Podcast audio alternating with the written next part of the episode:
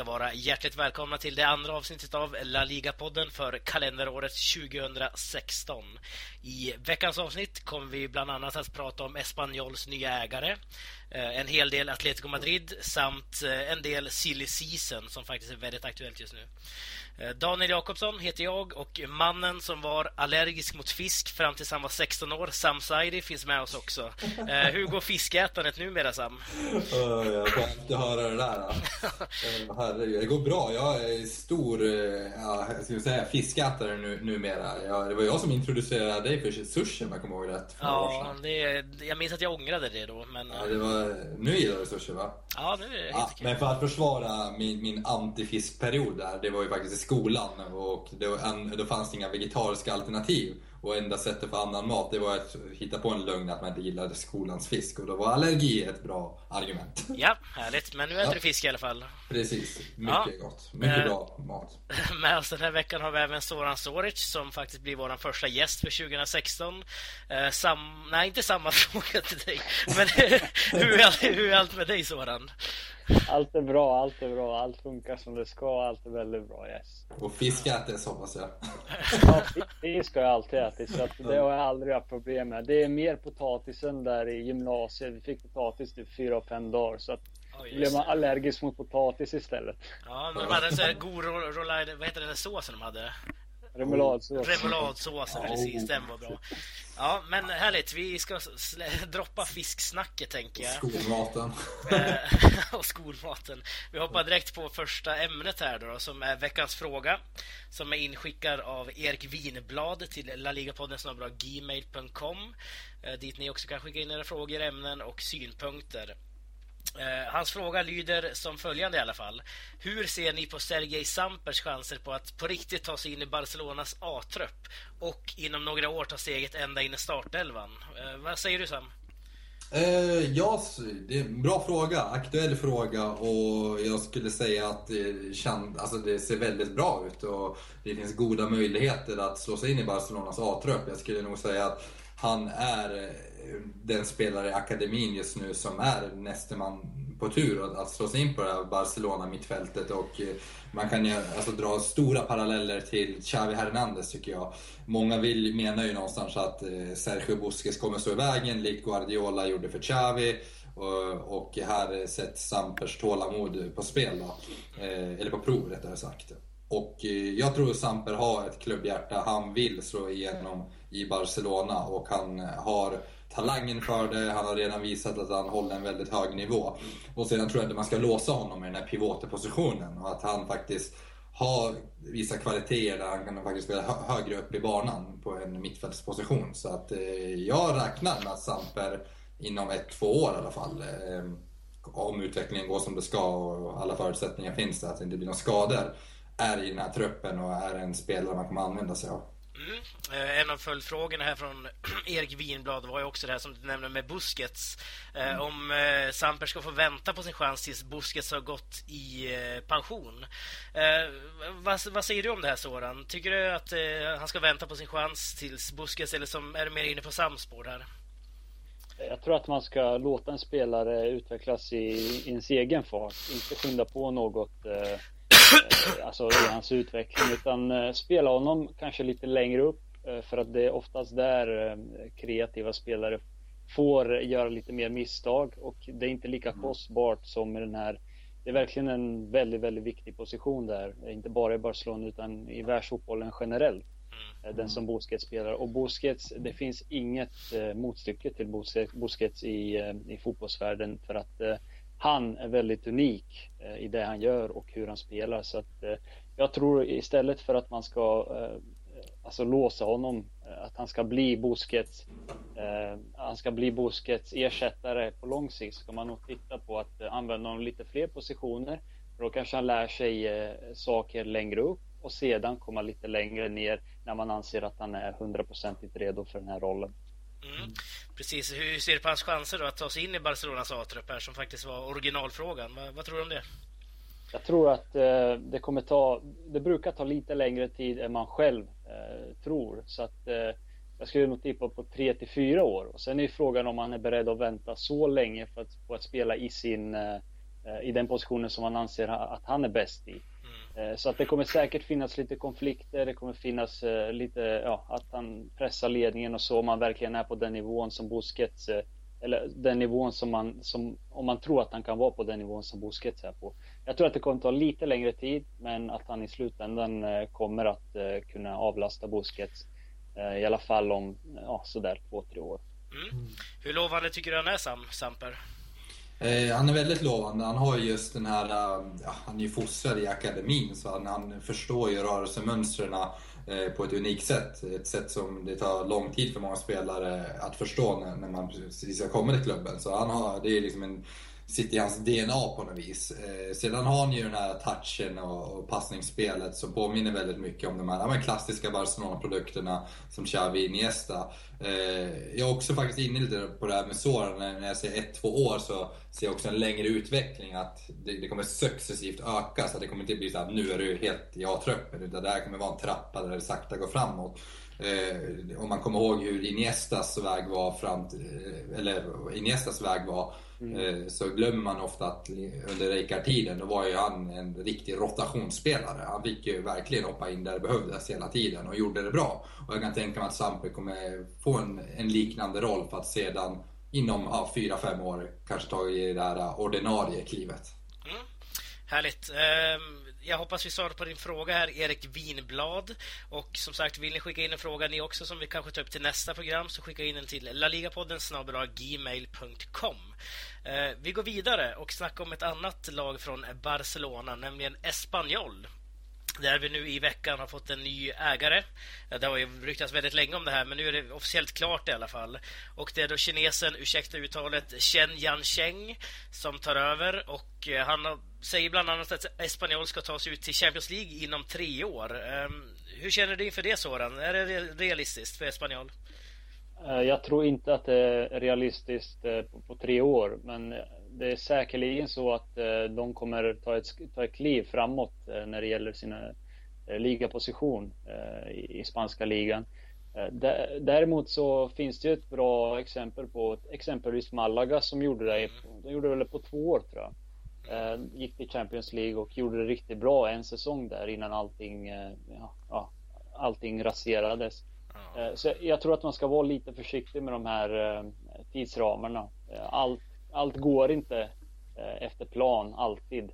Utan det kommer motgångar och ja, då, då gäller det att veta vad man ska göra och har man inte den erfarenheten av att exempelvis ja, göra rätt saker i rätt tidpunkt och ha rätt spelare på rätt positioner under de här tiderna, under tiden som motgångarna kommer, då, då kan det bli väldigt svårt att ta sig till Champions League på tre år. Mm.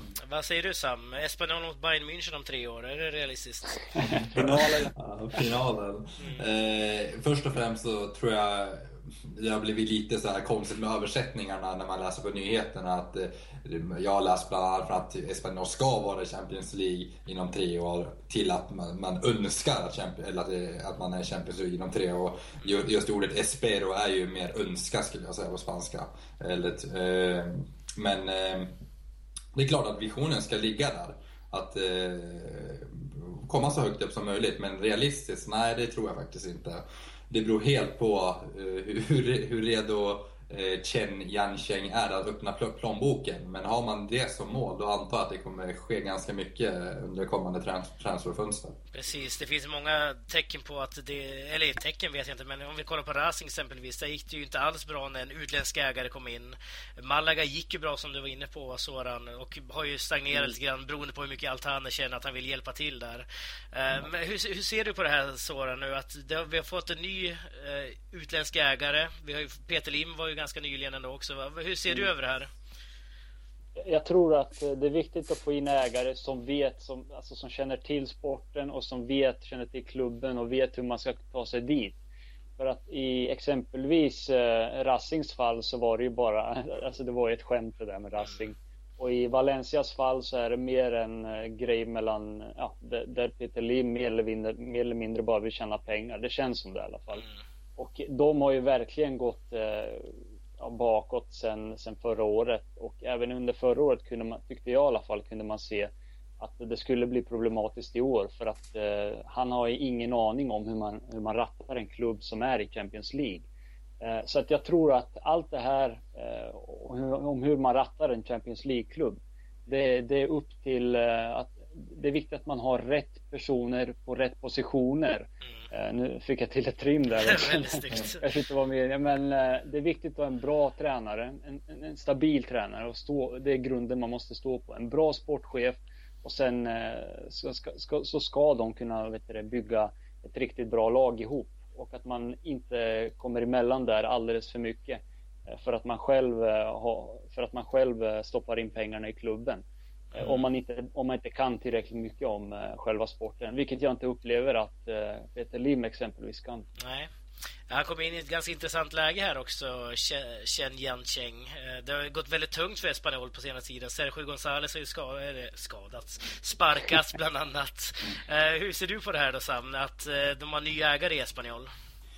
Eh, men jag, jag delar Svårons analys där. Man, man, man vill ju liksom undvika den här ägaren som bara köper en klubb för att köpa, eller tjäna pengar och de här ägarna som eh, köper egentligen en klubb bara för att de håller på den eller, och inte egentligen har någon kunskap om fotboll. Eh, och bara tycker att ja, det vore kul, ha lite fritid, köpa upp en klubb här, jag har mycket pengar.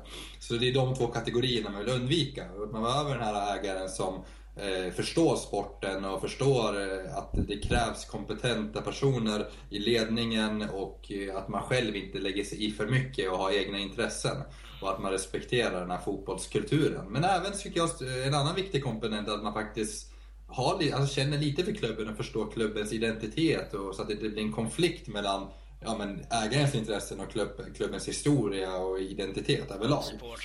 Precis. Eh, och, och, det, jag, jag har för dålig kunskap om, eh, om Mr Jancheng för att kunna uttala mig om det. Men det, det, får ju framtiden utvisa. Men det är klart, jag tycker det är spännande. Jag har ju länge önskat att eh, alltså Barcelona-derbyt ska bli lite hetare. Jag är lite så här små avundsjuk när jag ser Madrid-derbyna. Eh, speciellt nu när Atletico på senare år med Simeone och gänget har verkligen slagit sig in i, som en titelkandidat år efter år.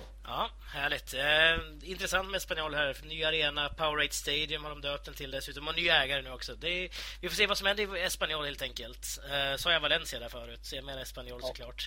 Eh, och eh, jag tänkte att vi ska avsluta del 1 här. Eh, men när vi är tillbaka så ska vi snacka Atletico Madrid.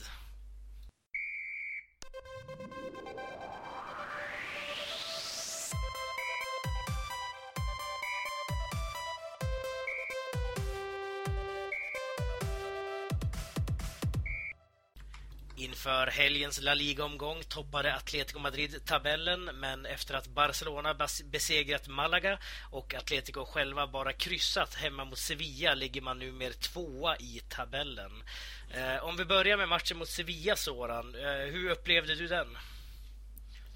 Det var, det var ingen särskilt välspelad match utan det var mycket kamp och ett lag som egentligen bara ville vinna. Det kändes som att Sevilla och Emery var nästan mer rädda för att förlora än att uh, försöka vinna matchen. Ska vara ärlig och säga så har jag inte sett ett så ambitionslöst lag som uh, Sevilla uh, på Calderon Sen möjligtvis Mourinho kom med Chelsea där det, stod, det blev 0-0. Ja, just det. Då, då slog Sergio Rico någonstans eh, Chelsea-målvakternas eh, rekord i att maska också så att eh, det ska de ha. Ja. Men eh, generellt sett eh, spelmässigt inte särskilt bra. Och Atletico Madrid hade till och med en halvtimme på sig att vinna matchen när de har en man mer. Eh, inte överdrivet förtjust i det här med att spela 4-4-2 eh, mot den här typen av lag. Och just i den här matchen så väljer Simeone att spela mellan Sevillas lagdelar. Och det fungerar inte alls i och med att varken Vieto eller Griezmann kommer in i mellanytan för där står typ Enzonzi och Eh, Krychowiak och bara puttar undan 1,70 fransman och argentinare och vinner bollar så att eh, målchanser fanns det, eh, tre, tre, tre till antalet. Men tar man inte vara på dem då kan man inte heller vinna och när det, när det är så här tight så, så får man helt enkelt bara ta vara på sina målchanser och det gjorde inte Atletico Madrid. Nej, eh, hur, hur hade du snackat om 4-4-2 Hur hade du som Atletico Madrid-supporter, eh, vilket du faktiskt är, hur hade du helst ställt upp ditt lag mot ett Sevilla som man kanske vet på förhand kommer backa hem lite grann? Eh, 4-3-3, men då hade jag överbefolkat mittfältet ännu mer och eh, försökt att få upp eh, alltså, lite mer skickliga individuellt spelare. Jag hade antagligen startat med Carrasco på en kant och eh, Eh, använt, använt mig av Saul eh, lite mer i mitten istället för den här som man spelade som interiör, alltså på en kant men i själva verket så kliver han mer och mer in i mitten. Så att det behövdes individuell kvalitet för att lösa upp Sevilla som var väldigt tajta och försvarade väldigt bra. Eh, och de vann, man kan väl säga, de vann väl inte mittfältskampen så, men för Atletico hade väldigt mycket boll. Men kreativiteten blev lidande för att Atletico mer eller mindre bara begränsade sig till att slå inlägg och variationen i anfallsspelet blev väldigt, eh, väldigt dålig. Eh, och när den blir väldigt dålig då, då måste man försöka skjuta utifrån, då måste man försöka ta in spelare som kan slå sin motståndare individuellt eller åtminstone, åtminstone försöka kombinationsspela sig mellan linjerna. Men det var väldigt, väldigt svårt. Mm. Eh, hur upplevde du det här Sam? Vad gjorde Sevilla rätt eh, som faktiskt kunde hålla borta Atletico från, som förvisso haft lite problem med målskyttet, men från att göra mål i den här matchen? Vad gjorde Sevilla som var så bra? Ja, det är, det, man kan säga om det är bra eller om det är en svårighet egentligen. Utan det, det var ju någonstans inställningen att här ska vi hämta en poäng. Och det är klart att det är väldigt starkt att göra det. Men i sanningens namn så skulle jag säga att det fanns väldigt heta lägen att avgöra den här matchen. Speciellt Griezmann borde ha minst gjort ett mål i den här matchen.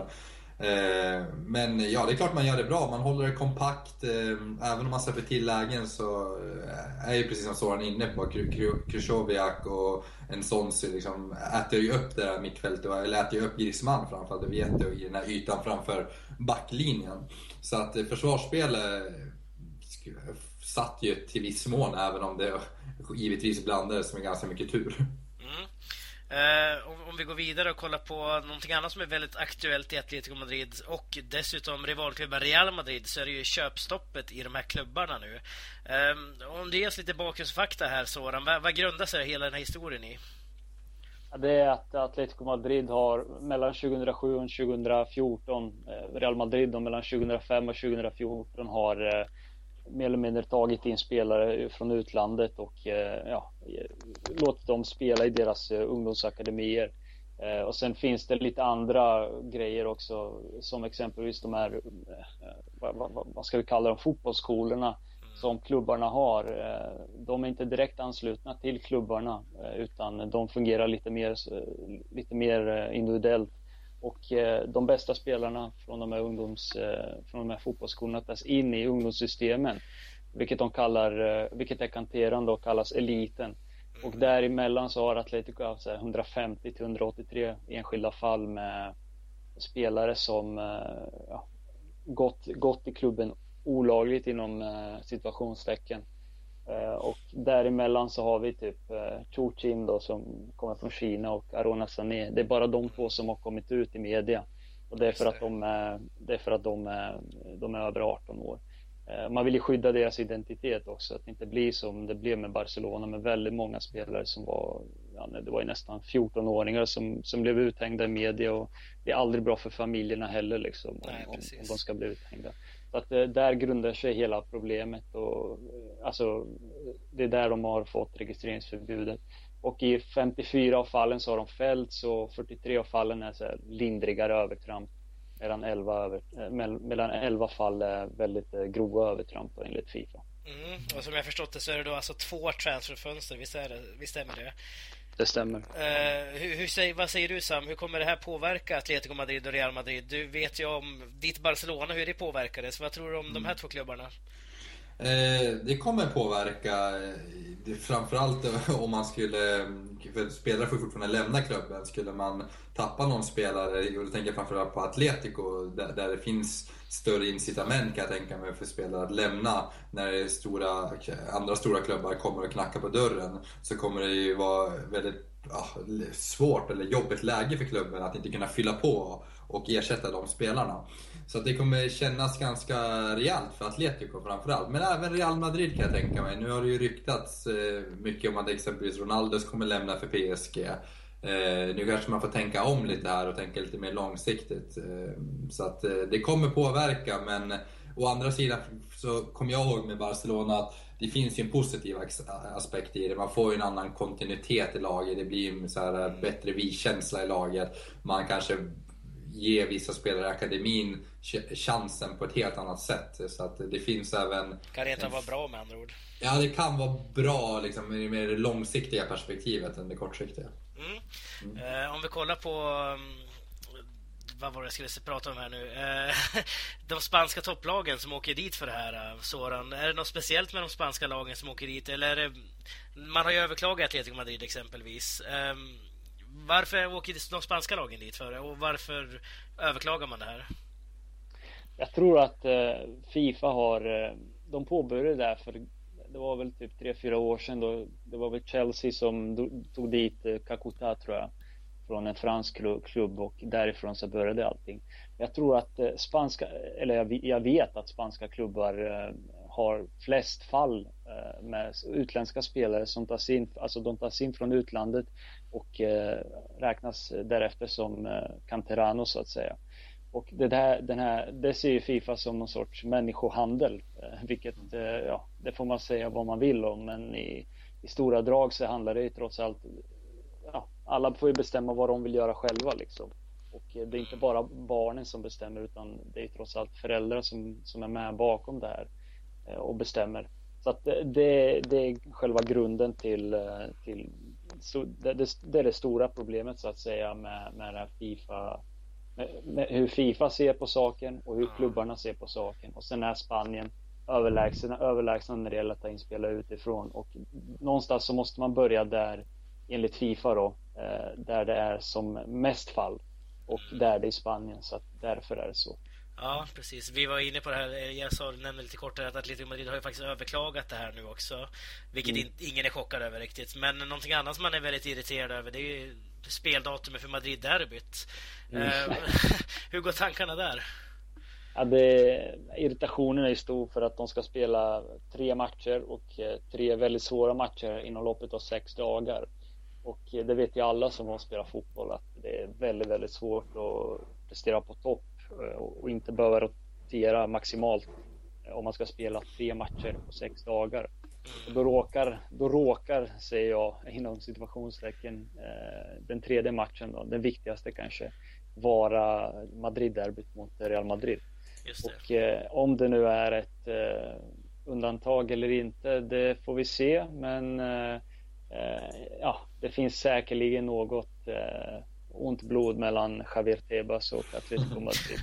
ja, Man ser så. Ja, vad säger du Sam? Tror du att eh, den här irritationen från Atletico Madrid, är den, kan du, köper du den?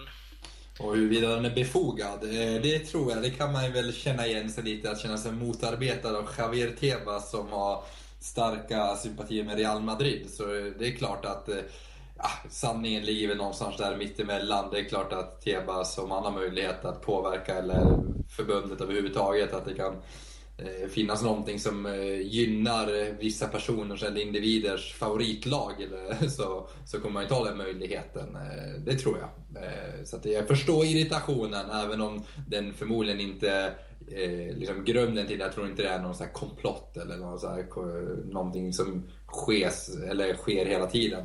Eller eh, uttalat på det sättet. Men informellt, absolut. Mm den här matchen som vi pratade om, alltså Madrid-derbyt är ju då i slutet av februari. Eh, men redan nu till helgen så har vi faktiskt en ganska intressant match också måste man ändå säga. Det är ju ditt Barcelona Sam mot ditt eh, Atletico Madrid Soran.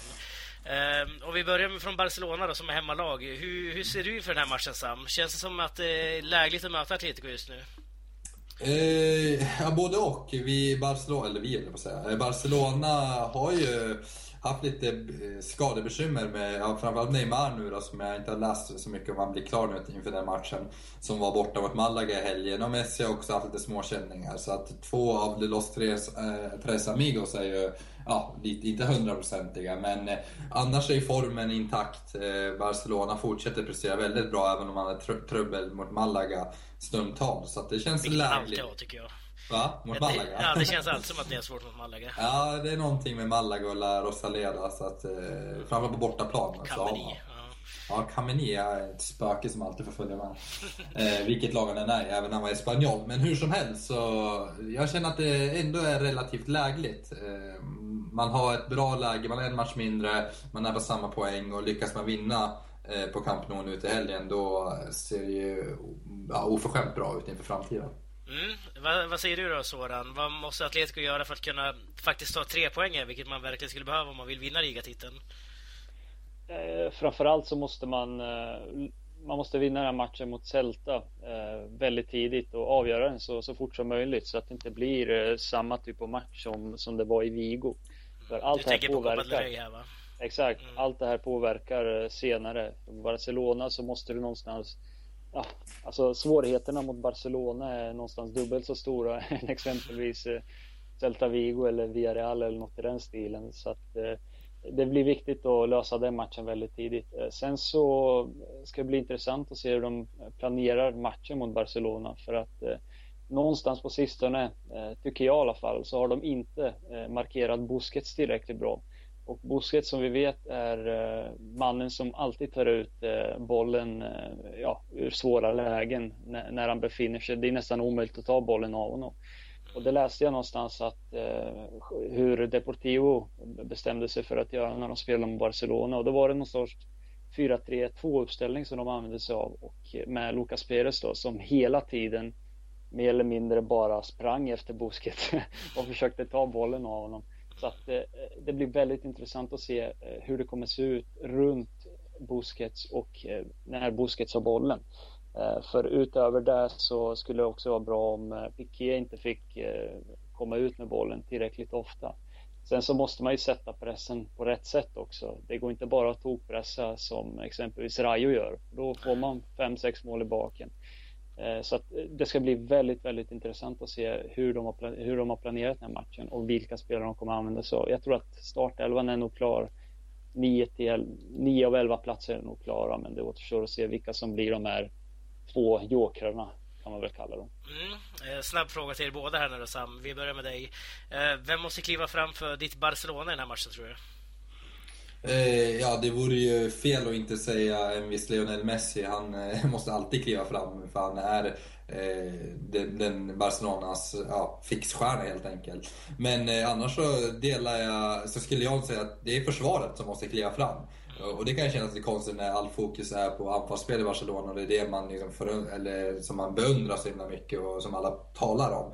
Men just eh, om inte fokuset finns i den här eh, återerövringsprocessen när man tappar bollen och eh, den här noggrannheten på framförallt fasta situationer där Atletico utan tvekan är ett av världens bästa lag och den här noggrannheten i omställningsspelet och noggrannheten på de här små sakerna som är så viktiga i en fotbollsmatch med markeringsspel, zonspel, pressspel. Eh, det är en förutsättning för att de här genierna ska kunna ens få möjlighet att, eh, att avgöra den här matchen. Mm. Samma fråga till dig Soran. Vem måste kliva fram för ditt Atletico? Det blir centrallinjen blir det med från Oblak och sen de två centrala, alltså mittbackarna. Det centrala mittfältet måste vara väldigt, väldigt på eh, och spela med hög intensitet och hög aggressivitet för att kunna störa Barcelona så, så mycket som möjligt. Och så måste såklart det, spelarna där framme vara väldigt, väldigt effektiva. För om Barcelona får du kanske ett par lägen, men då gäller det också att göra mål mot dem. Mm, härligt. Eh, får se hur den matchen slutar. Vi kommer faktiskt tippa den också i slutet av programmet. Det blir intressant. Eh, men vi ska sätta stopp för ursäkta, del två här. Och i den tredje och sista delen så ska vi snacka silly season.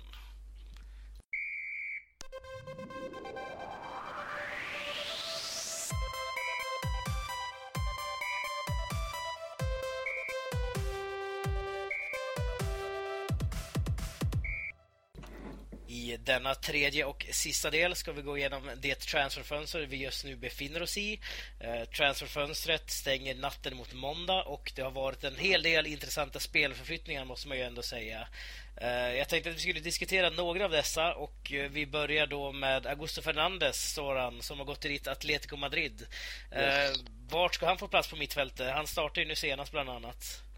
Alltså det, han är ju han är ju Thiagos eh, ersättare eh, i och med att Thiago bröt eh, skenbenet. Så mm. det är rakt av mot Thiago utan Thiagos extrema erfarenhet då. För att Thiago har ju spelat i många väldigt stora klubbar och ja, har ju hur mycket Champions League-spel som helst i bagaget så att säga.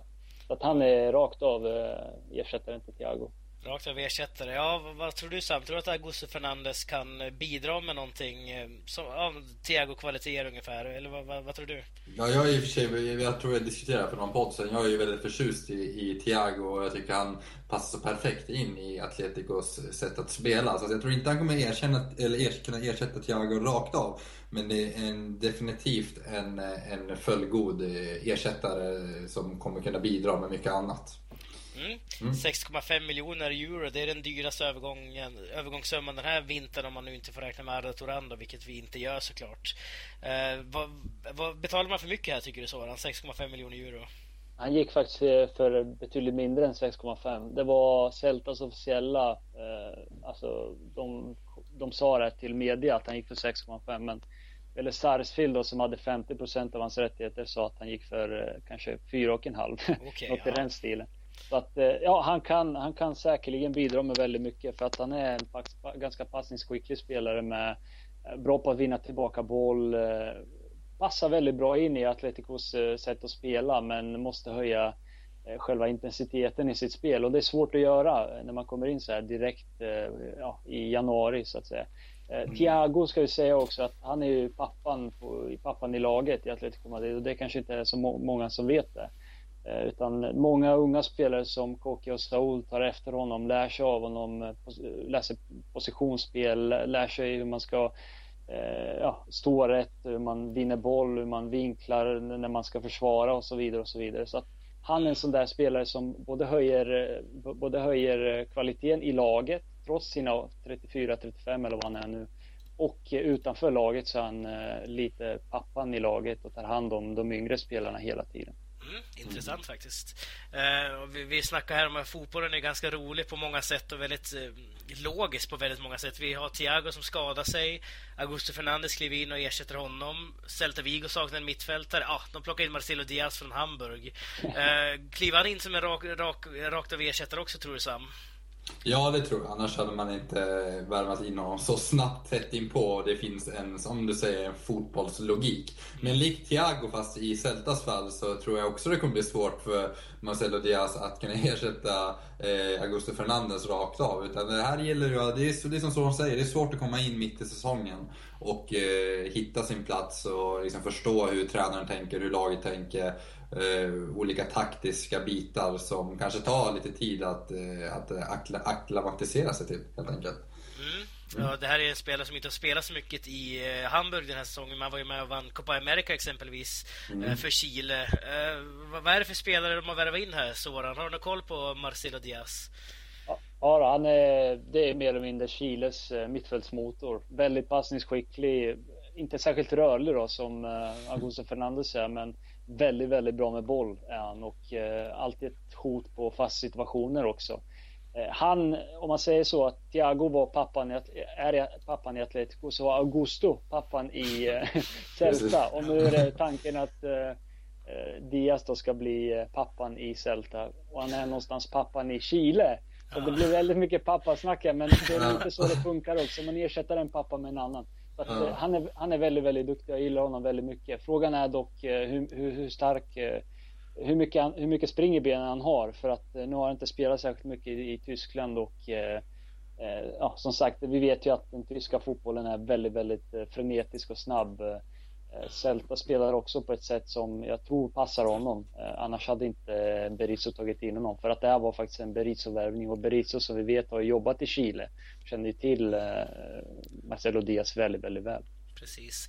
Eh, om vi går vidare och jättesnabbt checka av Ciro Immobil här. Vi har varit inne på honom tidigare i, under poddarna att han har gjort det ganska dåligt måste man ändå säga Sevilla. Eh, gjorde ju ingen succé i Dortmund heller och lämnar nu utlåningen från Sevilla och gick raka vägen hem till Torino där det går lite bättre för honom. Vad va, va är det som har gått snett för Immobil här Sam? Eh, klarar han inte av tempot i La Liga?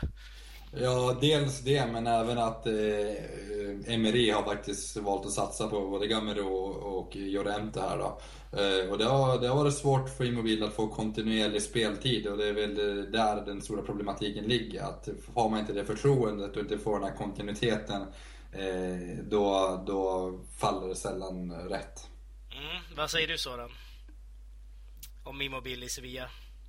Det är väldigt lätt. Det Kevin Gameiro har helt enkelt varit bättre än eh, Chiro Immobile och eh, ja, man har en spelare som, som kan fylla den funktionen som Immobile var tänkt att fylla.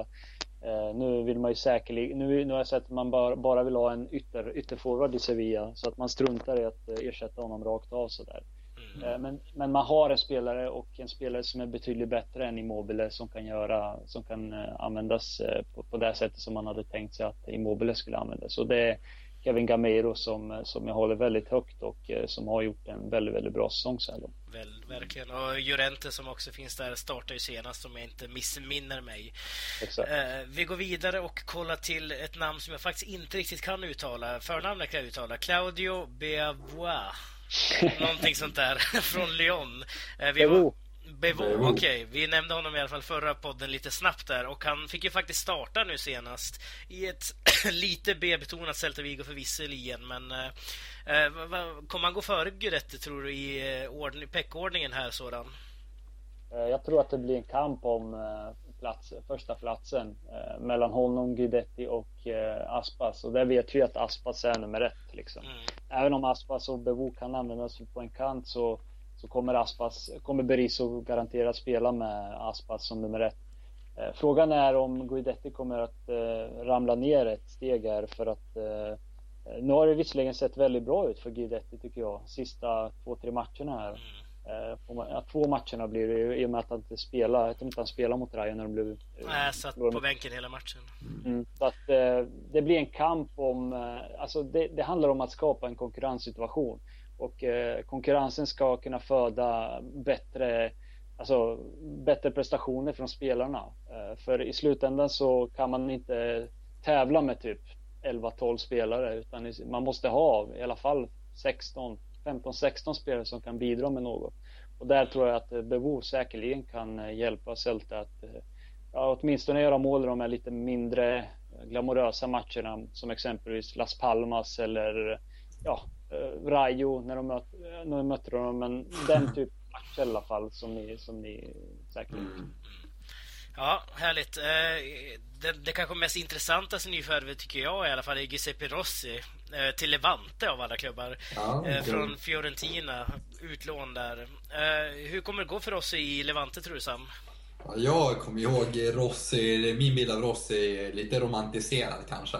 Jag har inte följt honom så frekvent på senare år, har för mycket skadebekymmer och så. Men ja, jag gillar Rossi och jag vet ju vilken kapacitet han har. Men frågan är om kanske inte den tiden är över. Men det är klart, Levante behöver hjälp, Levante behöver kvalitet och Rossi har kvalitet någonstans där inne i alla fall. Ja, precis. Tillbaka till östkusten också för oss. Ja. Uh, hur, vad tänker du om den här övergången, Soran? Kommer det som en chock för dig? Nej, alltså det har man ju hört om lite grann att uh, man visste ju att Levante skulle accelerera här under januarifönstret i och med att det har sett så dåligt ut och de har inte haft en striker på väldigt, väldigt länge nu. Och eh, de har ju tagit den här typen av anfallare tidigare som har gjort succé. Och kan ju tänka på typ Caicedo, eh, Martins, ja det finns säkert Baral hade väl de ett tag också. Så att Kalucci var väl där och snurrade ett tag också va? Exakt och han gjorde inte heller dåligt ifrån sig. Så att de, de tar den här typen av anfallare som är lite mer veteraner som kanske ses som slut men som de tror att de kan återuppliva. Och Rossi är ju en Alltså, han var ju en krack när han spelade i Villarreal. Mm. Tyvärr så har ju skadorna förstört väldigt mycket av hans karriär. Ja. Får hoppas på att han håller sig eh, skadefri här så mycket som möjligt. Det kommer säkerligen att slå upp någon, någon skada här och där. Men om man kan eh, hålla sig skadefri, få någon sorts kontinuitet så, kan, så är jag helt säker på att han kommer kunna hjälpa eh, Levante. Frågan är bara hur, hur ofta han kommer vara tillräckligt frisk för att kunna spela. Mm. Får, får de igång Rossi då är det ju ett, ja, men då är det ju i stort sett världsklassnyförvärv. Ja. det är det som är grejen. Och botten av tabellen, de behöver ju all hjälp de verkligen kan få just nu i Levante här. 20 mm. mål gjorda bara efter 21 matcher. Eh, men eh, lite kort tänkte jag också det sista vi ska snacka om här nu. Vi ville snacka lite grann om Valencia, det hinner vi tyvärr inte göra. Eh, men vi får däremot snacka lite Nolito tänkte jag. Den skadade Nolito i Celta Vigo. Eh, ryktas om Barcelona fortfarande Sam. Hur aktuellt känns det här? Jag vet inte, det blir spännande att se här. Jag har läst både fram och tillbaka att eh, det är lite delade uppfattningar huruvida Nolito faktiskt vill komma till Barcelona eller inte. Men jag, det har funnits mycket som tyder på att är det någon klubb Nolito kan tänka sig eh, att gå till, då är det ju han, eh, ja, hans älskade Barcelona. Eh, frågan är just att han, han kommer ju aldrig slå sig in i, när alla är friska i Barcelona kommer han inte flytta på någon. Eh, han kommer ju vara den här rotationsspelaren och frågan är om det är värt att gå till Barcelona från att vara eh, den största stjärnan, nummer 10 liksom, i, i Celta Vigo. Eh, och det, det är ju ett dilemma han står inför där. Ja, hur ser du på det här ryktet Soran? Det har ju ryktats väldigt länge. Det var ju redan i somras det var väldigt mycket rykten som florerade om det här.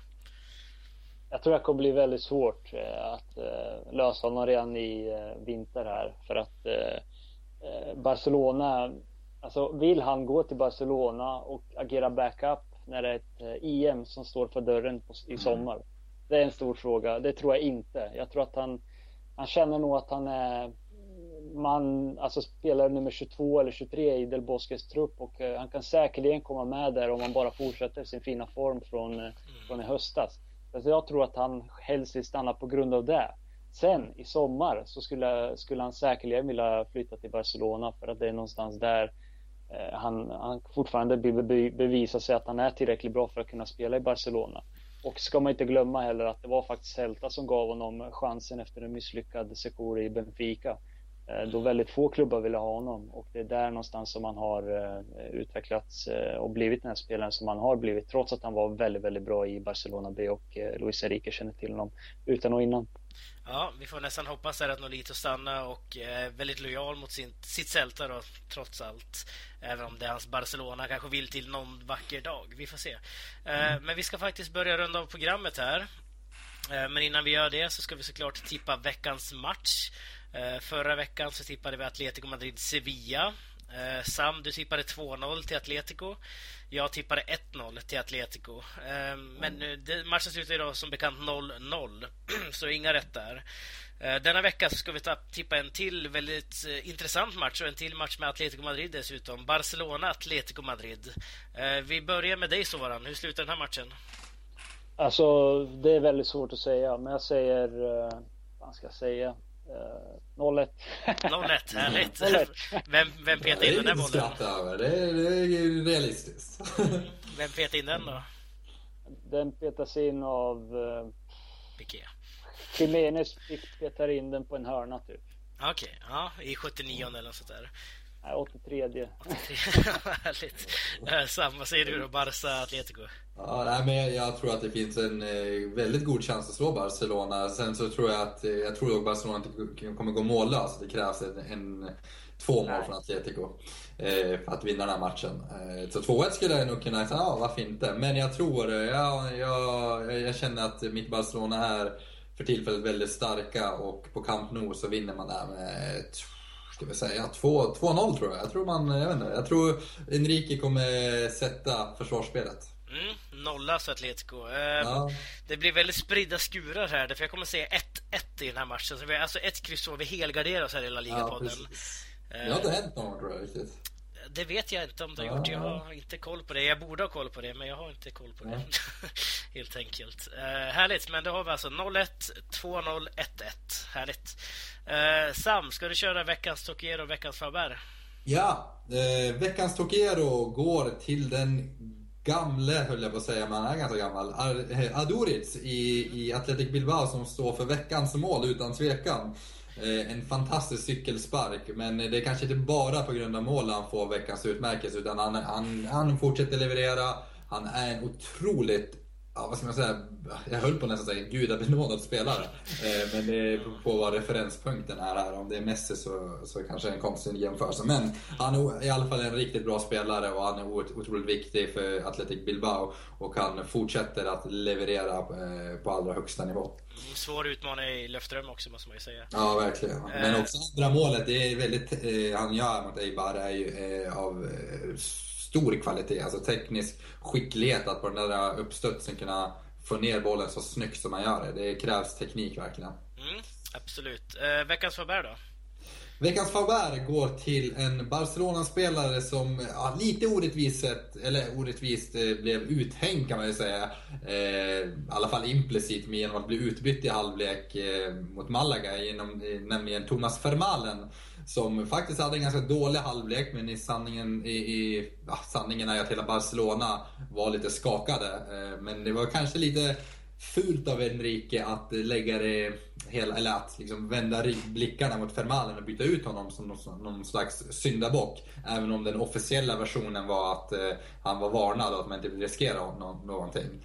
Eh, men det är lite så att han hade en ganska tung dag på jobbet. Det kändes väldigt instabilt och Fermalen har väl inte rosat marknaden och eh, har väl förtjänat någonstans ja, hela Fermalen-övergången från dag ett har väl förtjänat en en Faubert-utmärkelse och eh, det här illustrerade någonstans hela hela den här, det här fiaskot. Mm, ganska roligt ja. när han ramlade ner också tycker jag.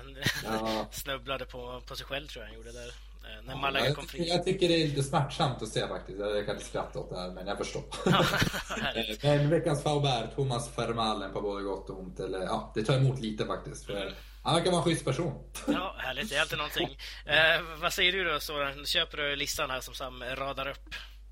Uh, Tokero får uh, Borja Baston uh, med fyra mål, på, fyra mål och en assist de senaste två matcherna. Och han har gjort uh, fler mål än Jackson Martinez, än Luciano Vieto, än Korea uh, ihop, än vad de har gjort ihop i alla, alla turneringar har han gjort i spanska ligan. Imponerande. Och ja, Faubert kan väl lika gärna Real Sociedad få för deras katastrofala insats mot Sporting Gijon det är en svår trupp att ta hand, ta hand om. Det är, en svår, det är många spelare som är väldigt bortskämda.